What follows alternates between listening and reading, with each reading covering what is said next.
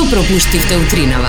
Нова работна недела, а Ирлија нека е домакини. 7.30 е, сонце, облаци, карма каша попара што ќе биде во текот на денешниот ден. Не знам, ама знам дека за викендов зорке ја утна временската прогноза и тоа сериозно. Па ја ја утна, ми ги утна плановите за, за водно, а денеска вели максимални 25 степени и пази пак те молам до викендов сонце, викендов заладување и облаци. Можно да биде така. Некој тука меѓу нас не е наш. Мислиш некој има замешана прсти за дома да седиме? Да. Мм, теорија на Како заговор. да се како да се уидисани со комисија за заразни болести па прават планови што како Можно е, не велам, не веќе се можно и во се верувам. А, корона бројките во теков на викендов се десеткува. Значи, знаеш она како нормандиска офанзива 45-та година која налетаа сојузниците, па така некако се случува и со овие е, заболените од корона. Преку ноќ некако се намали за две третини бројот на активни случаи, заклучно со вчера 3636 активни случаи, вкупно оздравени 145.851. Имаш проблем? Имаш проблем, знам. Кратка жица. така да кратка краток е фитилјот.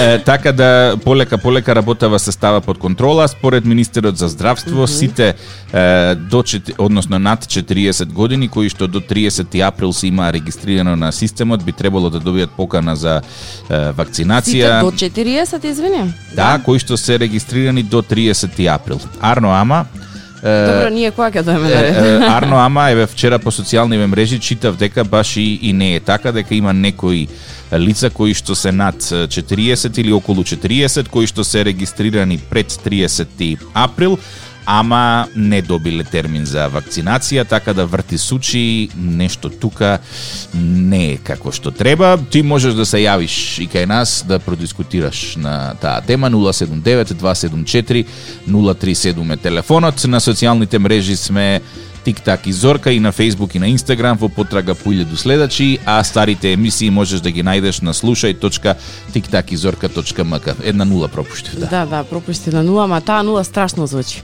Една нула, една кула.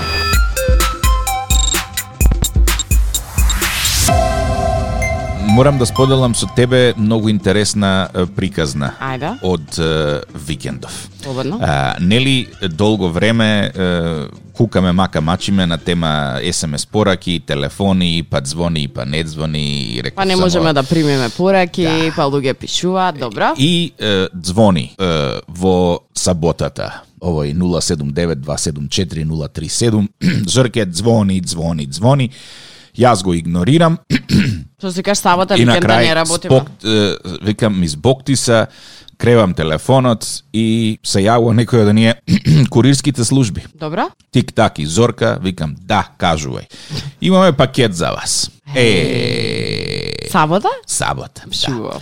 И прашува каде што да дојде, доаѓа и ми носи едно кутивче зорке. Мгм. И викам, што е ова сега, кој го пратил ова, како го пратиле ова, отварам у кутивчето и внатре што ќе видам? Немам појма, што виде? Телефон, Каков телефон? iPhone со Зошто и како и со што? со белешка. Вели нешто се ја немам тука при рака, ама во стилу тик-так и зорка се јавуваме од Тетово, мобилара некоја, и вика секоја сабајле ве, ве слушаме и цело време слушаме како кукате дека немате телефон, вака онака, па би сакале еве во знак на мало внимание да ви го подариме овој iPhone. И сега Зорке, ние овдека имаме Преку iPhone-ов можеме да примаме и Viber. Viber, Viber повици, WhatsApp. WhatsApp повици. Леле, Да. леле, леле, леле. Сакаш да ми кажеш дека сега може да се слушнаме со било кој од било каде? Е, нема WhatsApp, само Viber има. Треба да Не инсталираш. инсталира, па Треба- се. Ајде,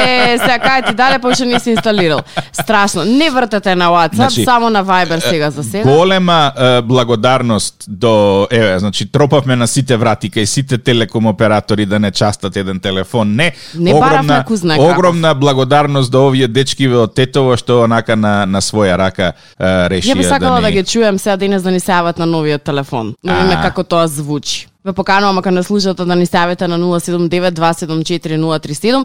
Поради вас, дечки, сите кои што не слушаат, сега ќе имаат можност да ни испратите СМС порака, а бога ми да не му аветат и на Не, Viber. немојте само SMS пораки, Па мислам, не, многу е тешко, тешко за да се читаат а многу пораки. повеќе сакам кога ќе се слушнеме во живо, никако Така на да уште се држиме до на првото правило, SMS пораки нема, мислам ти Ама праќај, немаше да се вадиме сега дека не можеме да ги прочитаме. Да, и еве, и ние за волкот, волкот на врата, SMS порака. Што вика СМС параката? Вашиот код за Вибер. А, добро. Додека е, штракаш таму кодови за е, Viber, би сакала да споделам нешто кое што мене викендов ми остави ете едно убаво позитивно чувство од како видов. Социјалните мрежи, особено Инстаграм, е, во последно време нели некако сакаме да да го исхетаме сето оно што го гледаме таму. Да. Бога ми е, право да ти кажам и добар дел од работите кои што ги гледаш на социјалните мрежи благе ве занимаат со приватниот и реалниот живот. Меѓутоа, јас успеав викендов да погледнам една работна акција која што би сакала да ја споделам и да ја поздравам, која што се случуваше е, на оптегот е, на реката Черава и тоа е, од Свети Наум до некаде Љубаништо, од прилика, ова не сум точно сигурна, како ми испратија, така некако мене ми дојде дека таму се наоѓа, е, како и околните е, па и ресторани, па и фирми кои што се во Свети Наум помогнаа за да се оствари оваа работна акција. 30 на волонтери, е, меѓу кои деца собраа над 220 вреки за отпад. Уху. 220 тик-так. И тоа е, акцијата е прекината поради нели временски неприлики, ме сликаш? Да, да те ставам на Вибер. Но, о, многу ти благодарам. Е, меѓу другото, она што мене ми е особено жал е што само 30 на души излегле, меѓутоа во време на корона и оваа бројка е огромна. И е, многу и благодарам на на мојата драга пријателка е, Виспре Весна, која што можете да најдете на социјалните мрежи доколку сте заинтересирани да бидете волонтери или дел од некоја нивна следна акција, бидејќи знам дека се најавуваат уште многу други.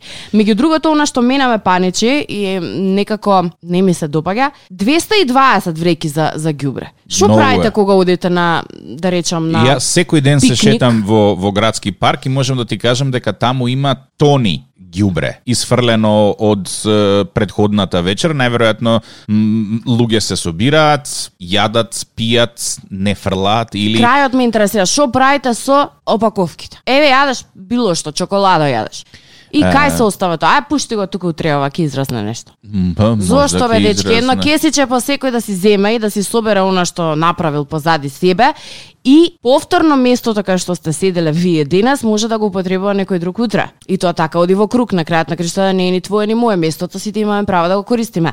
Ама никој нема право да го ете загадува. 220 кеси ти Види, так. се случуваше Ја уште сум у шок. И амбасадориве странски чистеа улици кај нас, паметиш? Ама зошто? Затоа што очигледно правиме ѓубре, креираме многу Не, окей, ѓубре. правиме ѓубре, да, меѓутоа зошто да дозволиш, мислам многу е ај ќе кажам најгрдо ќе се изразам, многу е селјачки да одиш и да си направиш пикник и да ги оставиш сите работи позади тебе, као ај некој друг ќе ги земе. Кој друг ќе ги земе? Тоа е затоа што Кој, зошто некој друг да ги земе? Ти си ги донел, по логика на нештата, едно кесиче да собереш со ѓубренце и да го вратиш дома и да го фрлиш апсолутно онаму каде што треба, е сосема окей и пристојно. свеста за зачувување и чување на животната средина ни е мала.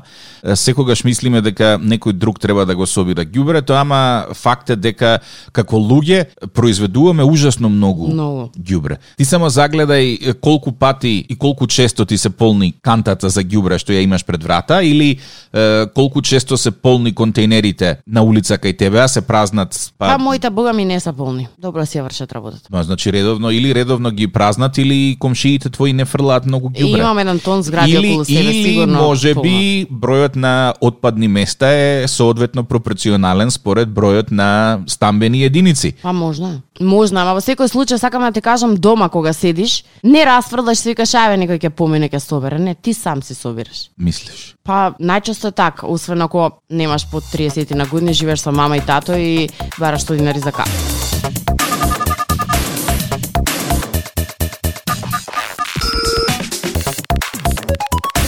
Еве сега скролам, скролам тука по е, овие информации кои што се и налетувам на информација дека повторно забави по некои скопски клубови со гужви играње без маски Е, дистанца. да, ма с- Мене ме интересира една работа многу важна. Еве јас сум газдарица на некоја си дискотека, не е ни важно на која. И ти доаѓаш ми кажеш Жорке, абе да правиме шурка вечер. Абе не можам, има протоколи, нема не дај Боже некој да не фати, да не види ти ми каже како ќе не фати, некој ќе не види. Ако забораваш фактот дека сите имаат мобилен телефон со камера и дека сите кои што се таму присутни Што сакаат да споделат каде се и каде биле. Ма не е само тоа, ти помини покрај тој локал и ќе слушнеш музика и тупси тупси народ на километар од од таму, значи. Се прашував дали воопшто е некое недоразбирање или јасно и гласно се стои во законот како треба барем еден период да се одвиваат овие нели Журки? забрани или журки. Па не смее да се одвиваат журки. Не сме, не Меѓу другото протоколите за работа на угостителските објекти забрануваат правење забави, жива и гласна музика и забрането е стоење на шанк и на високи маси, а, А на маса секаде може има. да седат само по 4 лица и треба да се оддалечени 1,5 метра. Секаде има шанкирање, да знаеш. Знам дека има шанкирање секогаш. Не, некои луѓе едноставно сакаат да седат на шанки, тоа е тоа. Што правиш шанкираш? Не знам зошто Никогаш не- не сум рекла високата шанкирам. маса го доби името конјопој. Дали си ти конјот кој што пои на таа маса, па го нарекуваат конјопој? Еј, не знам, знаеш дека, али многу беше јако на времето, усвари, не знам дали се уште има еден кафич со, со слично име. Ај, ајде да закажеме таму на коња пој да пиеме. Каде? Знаеш за кого те за штала. Не штала одамна работи, да. Многу е јако. Филингот само да да резервираш во штала еден пој. Веројатно и таа била логиката на отварањето. Сигурен сум дека креативниот директор за димето на штала го имал во предвид ја имал во предвид разноликоста на клиентите на Скопскиот ноќен живот, па сакал да има место каде што сите ќе се многу далеку од чувствуваат ко дома. Па не бил многу далеку. Јасно ми е тоа.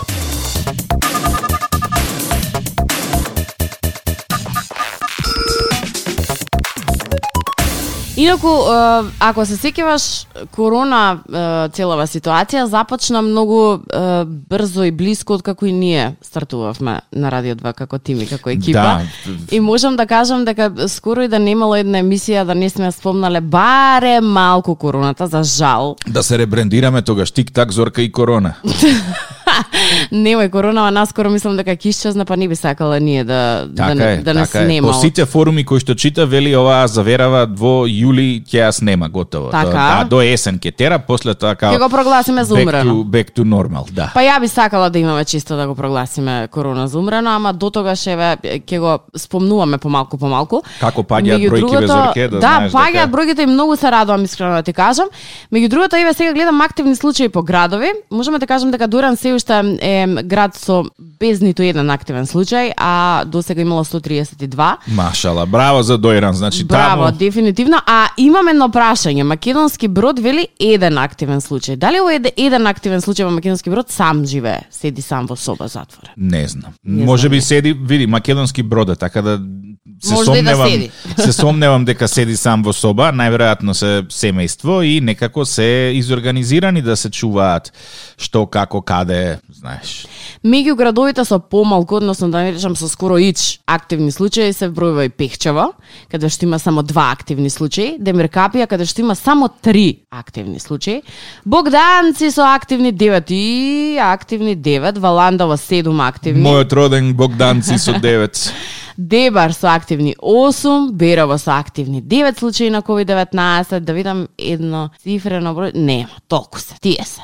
И тие се тие градови кои што е, скоро да речеме ќе бидат исчистени од корона, односно ќе нема. Се надевам дека овие 8, 9, 7 не заразиле некој друг и дека тука застанало е, тука застанала короната, но нели никогаш не се знае, ме чуди пробиштип со 19, ту многу за пробиштип некако. Не, Зорке, многу. Многу не, Кратово многу. со 15, па добро, пак е малку. Види, каква е таква е ситуацијата кај нас е, ама е, во светов е, се заговара некоја нова виза. Ти не знам дали си доволно стара да памтиш како на времето ни требаше виза за во Грција, виза за за секаде, па се чекаше пред амбасади, па не тоа. сум толку доволно стара, ама се сеќавам на едно клипче од од оваа хумористичнава серија К15 кај што Тошо буквално слави со трубачи кога ќе земе виза. виза.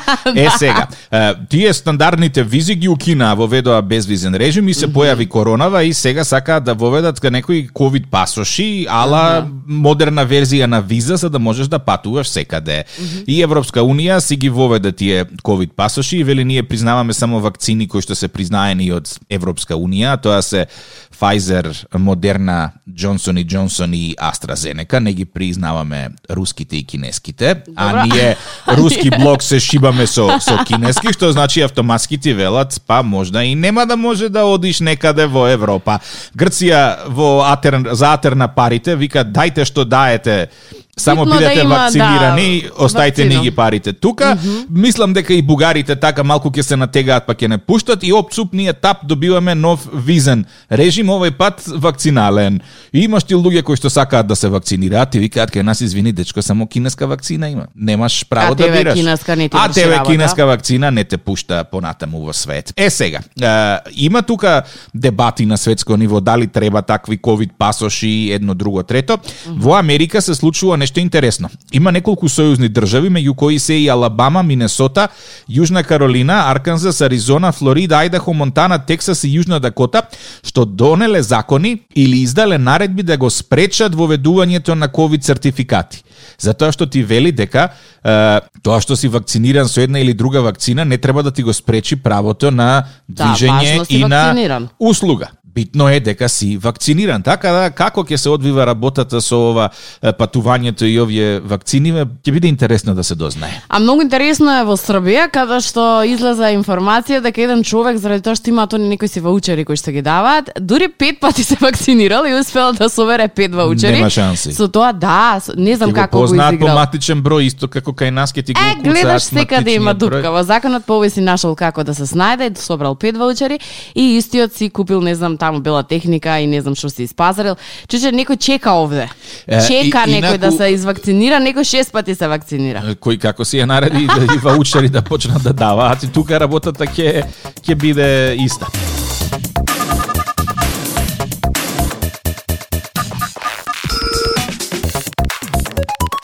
Грција од 14 ги отвори границите, mm -hmm. наводно, и еден куп коли тргна од рано рано наутро да отидат на шопинг во Грција, Арно, кога ама тоа проблем беше не ги пушта и тоа долго време не ги пушта. До 13 часот не ги пушта, а од 13 часот отворија граници и рекоа ајде може да се тера. Е сега за да одиш во Грција треба да пополниш еден формулар онлайн.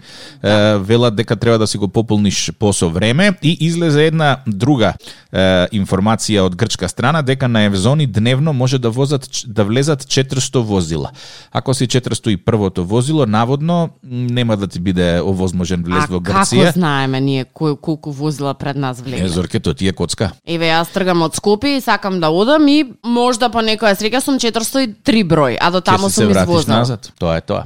Наводно, Приказката се вика зошто да биде едноставно кога, може да, биде, многу комплицирано. Да може да им неке од грците да им влезе корона, сега беа заклучени со месеци во А shutdown дека они нема корона сега. Па не, они има и тоа многу има. Беа затворени дуќани, молови, кафани, ресторани, дома седеа. И са ние сме проблемот. Па сега, знаеш како, тоа ти е тоа. Кралствата на времето кога се затварале, се затварале сега. Многу ми се интересни. Секогаш со некои ван е, услови. вон телесни услови. Во, нешто комплицирано да бе. Може, ама не може. Е, ова сега ќе го напишеш, ама тука треба да потпишеш, па можеш со да влезеш без визен режим, ама ова лифчево мора го. Бе, зошто толку компликација, аманте? Е, Зошто? Тоа е тоа. Интересно. Ама, Некако и не очекував ништо поинаку и многу ми беше чудно кога рекоа, а, отвараме граници.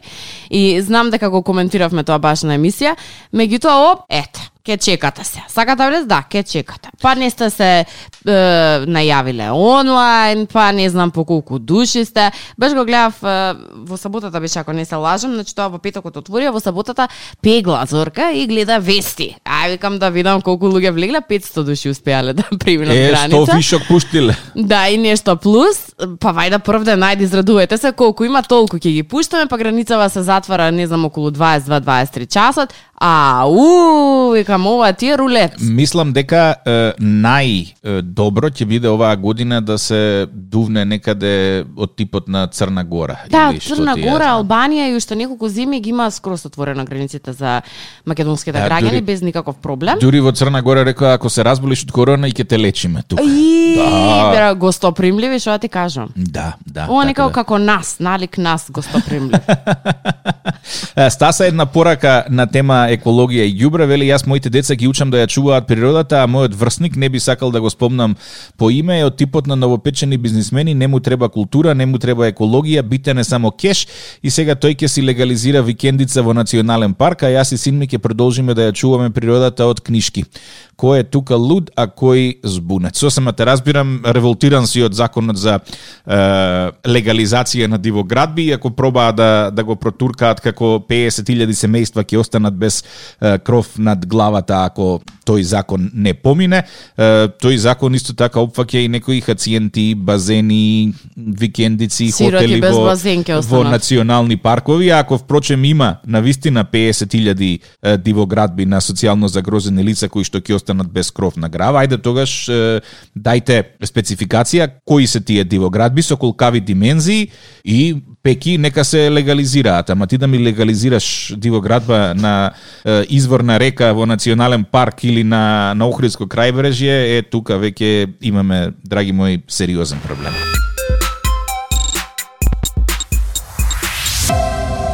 Мој добар пријател вели, ако сакаш да најдеш причина за кавга и развод на брак, доврши ја реченицава Сорке. Јас поинако би го кажала тоа. Ама сега доврши ја реченицава, јас поинаку би го кажала. Чепкај, чепкај во мобилниот телефон на партнерот или партнерката. Така е, да Зорке, браво. Е, вака. Сакала не кела ќе најдеш нешто. Вака. Замисли ситуација, си седите, си лежите, си гледате филм и партнеров, партнеркава, нели зависно ја ли сме, е, заспива. Го остава телефонот, по некоја случајност вака отклучен. И ти светка. Имаш две опции, да го земеш телефонот да го заклучиш да го ставиш на полњач или имаш опција Б, да се занесеш па да побараш нешто. Ама знаеш што вика една баба, што си бараш тоа ќе си најдеш? Па веројатноста да протумачиш лошо или погрешно нешто што има во мобилниот телефон или евентуално да откриеш некој некој новитет за твојот партнер партнер кој што не си го знаел, е огромно. Како би постапил ти во таа ситуација? А, Узорке, ме прашуваш тешки прашања. Сега најверојатно би се направил на 3,5, би направил една брза анализа колку тоа може да влијае на врската и согласно Ќе се заклучи ти додека правиш анализи. Значи имаш некои 30 секунди пред да се заклучи Нема да мобилниот телефон. Нема да гледам. Е, далечниот месец јануари, ваква една слична ситуација. Земам мобилниот на собрува, викам, че да вем барам слики од децава нешто да не сликал. Отварам документи, документи, ми стана досадно го затворив, го заклучив. Ај, ова не е за мене. Па, тоа се документи кои што мене реално не ми ни требаат, а него му требале за нешто си ги сликал. За да си ги прати така натаму, така што и да, некоја чат пат слика ја што сум ја сликала, па сум му ја пратила од децава. Викам, добро, толку некреативен мобилен телефон, човек да сака, види, не чепкав многу подлабоко, зашто викаат Е, па ако тоа е си тоа, ако чепкаш си ти е подлабоко, ќе си најдеш нешто. Како вели мојот пријател, значи страна- чепкал, не чепкал, секогаш наоѓаш. Види ја ти кажам нешто. Јас уопште не сум горда на фактот на тоа дека посегнав по неговиот мобилен телефон затоа што имам апсолутна доверба. Меѓутоа, секогаш е позанемив, поинтересен мобилниот телефон на, на другиот. Имаше време ако се сеќаваш, само што излегува овие мобилни телефони со камери, па ја така си имам многу јако изгорено. Па, а, нели, ај со другарките ќе седиш, дај бе мобилниот да видам што слики И имаш. сликаш некои рандом луѓе. Не, не, не, не. И јас кај една другарка седната кафе пијам, викам, се сикјам затоа што ми беше шок. Да, викам да видам што имаш на мобилниот, може некоја позадина, нели на времето си праќавме позадини Да, де, преку Bluetooth и преку инфраред, да. да. Вртам, вртам, вртам. Оп, слика од незиниот дечко, кој што за жал с- не. Веќе, веќе не е незин дечко, ама и сликата некако за жал не сакав да ја видам. Тоа не требаше да го видам и го вратив телефонот експресно, што викам немаш ништо, немаш ништо. Е, знаеш она убила ме туѓа срамота Да. до ден денес. И тоа ми беше лекција научена за тоа дека туги телефони не се допираат, не се пипкаат, нема Затоа ти што што да видиш, што не за најдеш тебе. нешто внатре што ќе те извади од такт. Мене не ми извади пак ме распамети, значи јас не сакам да гледам, не сакам да чепкам во туги интиме, повели телефонот, фала многу и викам следен пат кога ќе го подаваш телефонот, пошто нели на времето се разменувавме, ај сега бриши ги сликите кои што не сакаш другите да ти ги видат. 079-274-037, сега е вистинското време да се јавиш и да го споделиш твоето лично искуство во врска со чачкање и копање по туги мобилни телефони или Дали можеби ако сакаш некој да? копал во твојот мобилен телефон, па ти си го извлекол по дебелиот крај. Затоа што сигурен сум дека има и, и такви варијанти, нели? Има копачи, има оние кои што ги копаат. Да, мене ме интересува дали сте ви од копачите или од тие кои што на кои што им копаат и а, дали има некоја интересна ситуација која што може би е вредна за споделување. На радио. Според тебе, Зоро, Добро. кој е поголем чачкач по телефони, мажи или жени? Искрено да ти кажам, мислев дека се жените во прашање. Ама, Ама, според една статистика која што ја прочитав, мажите барем дупло повеќе чепкаат во телефоните на жените, што мене ми е фрапантен Да. и фасцинатен податок. И мене право да ти кажам. 34% од жените, 62% од мажите од време на време го проверуваат телефонот на нивниот партнер. Што очекувате дека ќе најдете еден маж? Што очекуваш дека ќе најдеш кај жена? Не, не, не, не. Скриншот Не- не од е некој само- штикли, скриншот од некој фустан. Не знам, е, отворено муабет прашувала има ли бројче, не знам, емо. Не се тоа причините. Епа. Зорке. Не, пишта. Значи, за да тргнеш да бараш такво нешто, реце треба да имаш ниска самодоверба и да не веруваш во врската и во себе. Значи, зошто ако ти имаш самодоверба и ако мислиш дека се е како што треба во врската, зошто воопшто би тргнал да бараш нешто во во телефонот? За секој случај. Значи, Ја би ти проблемот дека... ти е со ниската самодоверба. Види, еве сега истото, додека одеше песната го искоментиравме. Дали на вистина и реално имаш време и сакаш да чепкаш во телефонот на партнерот партнерката. Мене стварно ми е животот многу забавен за да земам сега да си наоѓам забава во телефонот на партнерот. Под број 1, под број 2. Мислам дека до некаде си веруваме за да, Да. не си чепкаме. Не се Да. сеќавам дали сопругот воопшто некогаш пробал да ми го отвори телефонот или го отворил или можеби јас дека спијам, тоа го прави, значи не, не знаеме. Имаш Меѓутоа- она е, отклучување со прсти или со шифра? Немам, немам ни шифра, мислам шифрата колку да не ми се отклучува во во ташна. Еве, можеш слободно, еве. Не. Не, не, не, не, не, не. Повели. Не, не, значи во женска чанта и во телефон не чачкам, па мајка Јана нека е. Кој А знае? што ќе чачнеш, гледај. По некоја селфи, о, сликите од мене и тебе. Значи, не правиме муабет за тебе. какви сакам да си. Не правиме муабет за тебе, дискутираме за тоа кои се причините зошто мажите Пушти ме назад ќе кјутам. зошто мажите е, посегнуваат во телефонот на своите Сакаш партнерки. директно да ти кажам? Зашто мислат дека имаш валер. Ама пак што го наведува да го мисли тоа? Ниска самодоверба. па згаснала акцијата помеѓу нив, се поредко и поредко имаат Тоа се вика однос. старост. А не се вика старост, не мора да си остарен за да ти се намали да речам желбата за за сексуална комуникација со партнерот. Јас- Тоа се вика обврски, тоа се вика реален живот, тоа Има- се вика немање време. Има и една друга причина. Се плаши од сериозна врска, па бара причина да да раскине. И во моментот кога ќе најде нешто што не му е по кејф, ќе почне на пасив агресив однесување и ќе каже аха, аха, вака ти си крива и оп нема грижа на на на совеста за тоа што раскинал. Право да ти кажам, да сум сега во врска и да ми рече на некоја кавга, слушај, јас ти го проверував телефонот и да не сака да ме, ја ќе му раскинам. Ти дали до толку немаш доерба со кого спиеш, за да ми чепкаш по телефонот? Кога спиеш? Кога Односно, спиеш? кога спијам. Да, кога спијам. Знаеш, многу интересно, сите чепкаат во мобилните телефони, ама никој не се осуди да се јави да рече да, јас сум тој шампионот кој што чепка по туги телефони.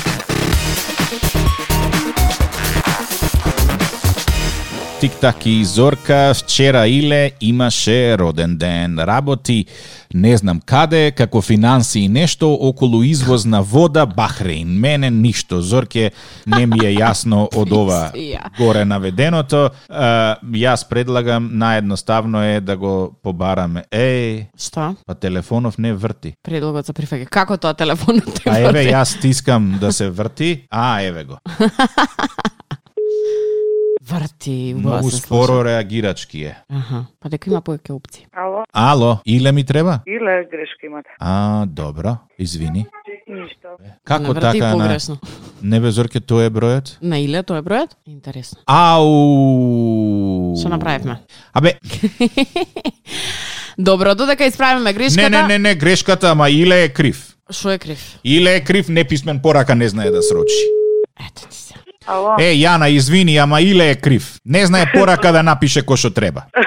зошто? Па мислам, зошто? Пишуе, е, Иле Јакимовски има роден ден денеска. Работи во Гари, нешто за водата околу Бахрейн. И на крај доле уствари излегува дека Иле бара честитка за Јана, што си всушност тија, дека Иле нема врска со денешниот роден ден, а дека тебе роден денот ти бил вчера. Да, да. Е па среќен роден ден. Фала. Ева по креативен начин роден ден со карање да честиташ нема. Значи, да му објасниш на Иле како се пишуе порака за да го разберат сите. Сме вртале многу родендени, ама ваков роден ден не сме имале. Ја гледам, Мора да се разликува. гледам бројот е тој, гледам ова и на крај честитката да биде од Иле дечко. Е па среќен роден ден Јана, да си ми жива и здрава.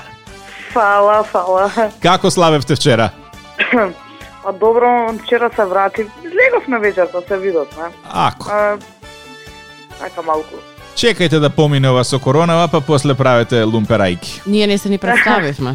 А, да, да. представи на Зорке. Е, Ние сме Тик-так и Зорка од Радио 2 и честитаме родендени. Верувам дека не слушаш заедно со Иле. Ако не ја слушаш, од денес би требало да почнеш да не слушаш. Да, го слушам.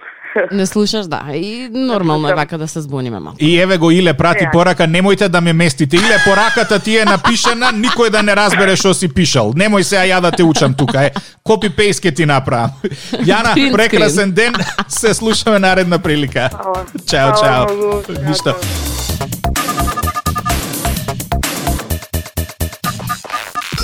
Вртиме кај Марија. Марија работи во фактурно во фирма за сувомеснати производи. Е, сега прашање е, Дали ќе ја добиеме? не, па предпоставувам дека ќе ја добиеме туку. Што може? Да ја прашаме. Да, кога се во прашање сувомеснати. Да. Ало, Ало. добро утро, како си? Добра, Што има ново старо, кажи ми? а, не ме познавам, извинете. Па не ме познаваш, си ми пуштила фактура за 20 кила свински врат, ја печеница. Боби е, од супино од гранапчето доле. Јавете се во фирма, пошто ја не сум на работа сега. А, добро. Од каде сте? Од Гранап? Од, не, не, од, од Сопино, од едно село горе таму, кај Жвелино. Еднаш у три месеци зеаме од кај суо местното да има нешто тука да им даеме на луѓето да јадат. Ама грешна е фактура, ама ќе се јавам во фирма, ама пред тоа да ти кажеме нешто, можи? Ајде. Среќен роден ден. Ало? Да. Марија? Среќен роден ден. Ја ќе почна да се расправам. На време те фативме. да, да, да. Тик-так и Зорка од Радио 2, а честитка во всушност дојде... од Бојан Николовски. Да. И зашо До не си... мене е туку. З- Се смешка под мустак. Да, до мене, да, да. до мене, не сум на работа, имаш оправдание од доктор зошто доцниш? Втора смена сум А. оправдана. Добро, оправдано е. Простено ти е. Сакам да не направивме проблем са ете ти. Може некој од фирма служа. Апсолутно не. Имај е, прекрасен роден ден Марија, убаво да си поминеш во текот на целиот ден. Фала ви. Во секое време. Чао, чао. Ајде, чао. Толку за денеска, Зорке. Па доста беше, ја мислам. Инаку и која рече, роден да, да, тоа тоа со, сек, со сигурност. Uh, Приска која рече ќе се задавиш Зорке ми текна колку често знае да те фати напад на хистерија да, да се засмееш за нешто, а сам не знаеш да објасниш зашто. Начесто тоа се случува на оние непожелни места кај што не смееш да се смееш, например кај што треба да е апсолутна тишина или луѓе плачат, например. Е таква некаква хистерија мене ми се случи утре. На, не знам зашто се смее, веројатно затоа што претходно го дискутирам. А со таква хистерија ќе ја завршам денес емисијата и се надевам дека барем малку ќе ве расположи, ве- ќе ве заразам со, со ова смех. На Радио 2, секој работен ден од 7.30. Будење со Тик-так и Зорка. Во случај на неконтролирано смеење и симптоми на позитивно расположение, консултирайте се со вашиот лекар или фармацевт.